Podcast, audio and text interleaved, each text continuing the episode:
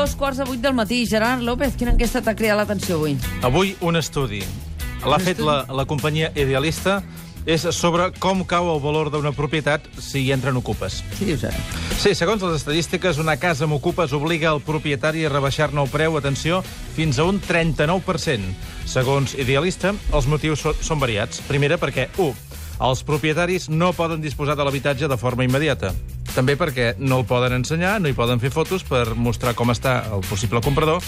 I en tercer lloc, perquè el comprador al final s'ha de fer càrrec del procés judicial per desocupar la casa i això eh, acostuma a tenir cert cost. L'estudi també té un perfil del tipus de casa ocupada. En el cas de, de Catalunya, atenció, sol ser un pis de zona urbana, més o menys ja, ja ens ho imaginàvem, de 4 habitacions i de 103 metres quadrats. Són dades, com us dèiem, d'aquí, de Catalunya, però també l'estudi analitza altres territoris. Per exemple, si ho comparem amb el País Valencià, el preu d'una casa ocupada encara baixa més, un 50%, i a les illes encara més, un 52%. Escolta, quina mena d'estudi és aquest? És un que ha fet idealista que també diu que el pitjor lloc on surt menys a compte que t'ocupin el pis, si ets propietari, és Astúries, on, on els pisos ocupats eh, s'han d'aplicar un descompte, atenció, que arriba fins al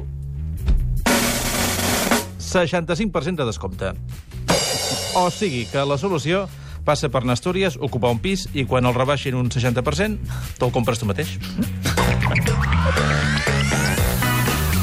Domènec Sobirà, bon dia. Bon dia. Què t'indigna? Mira, a mi m'indigna pujar una atracció de fira pagant i baixar-ne marejat i fent basques, eh? Perquè això és el que està passant, eh? Està passant això. Mirin, mirin, passin i vegin.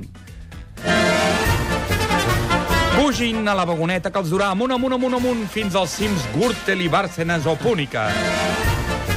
Passin el giravolt de la mort d'Ero, Taula, Pujol i Camarga. I notin com s'embalen, com se'ls talla l'alè en caiguda lliure pel gran pendent de l'ast fuetada.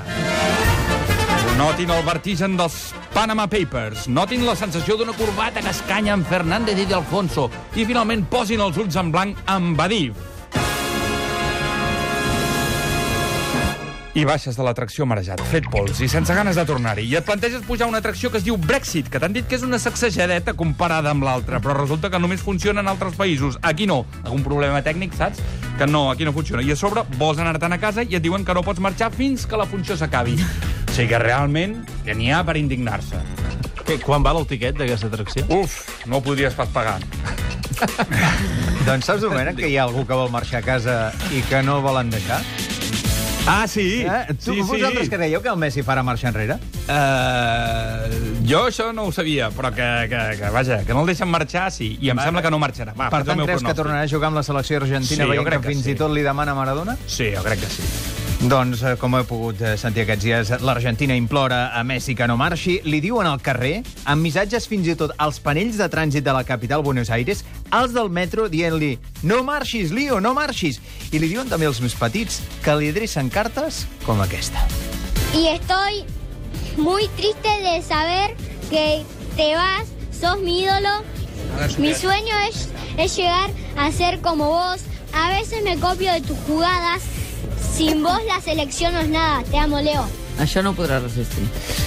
Jo, Això, jo nens, em fa l'efecte que el que aquesta no pressió... resistir. No, no, i espera, perquè no és l'únic. Eh, Jo sentit que li ha dit al president, al Macri, fins i tot. No, no, Ahir es van fer una fotografia dels campions del món l'any 86, també amb una pancarta dient-li no marxis, Leo. I li diuen fins i tot a ritme de rap. Escolteu això. Tiene millones de argentinos metiéndole presión. Si gana un partido, Messi es el mejor. Ahora si lo pierde, Messi es el peor. En el Barcelona gana, ¿por qué en Argentina no? Porque son equipos diferentes, entiéndanlo. Això no l'afecta, ja t'ho dic jo.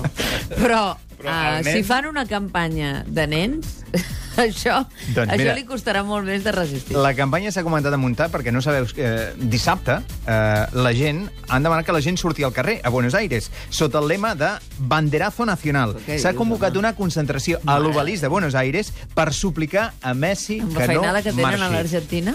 Doncs mira, doncs aquesta concentració em fa tot l'efecte que serà un èxit i que hi haurà milers i milers de persones que sortiran al carrer per Domènec, demanar no que Messi no descartis que marxi. sigui una cortina de fum per tapar tot el que els està passant Ah, a l'Argentina, que Déu-n'hi-do. És Intentar-los posar en una altra atracció de fira i així que es despistin Exacte. de la real. Ara, si fan servir els nens, creu-me que el Messi, una de les coses que li transforma la mirada és això. Per tant, si utilitzen aquest recurs, encara se'n sortiran.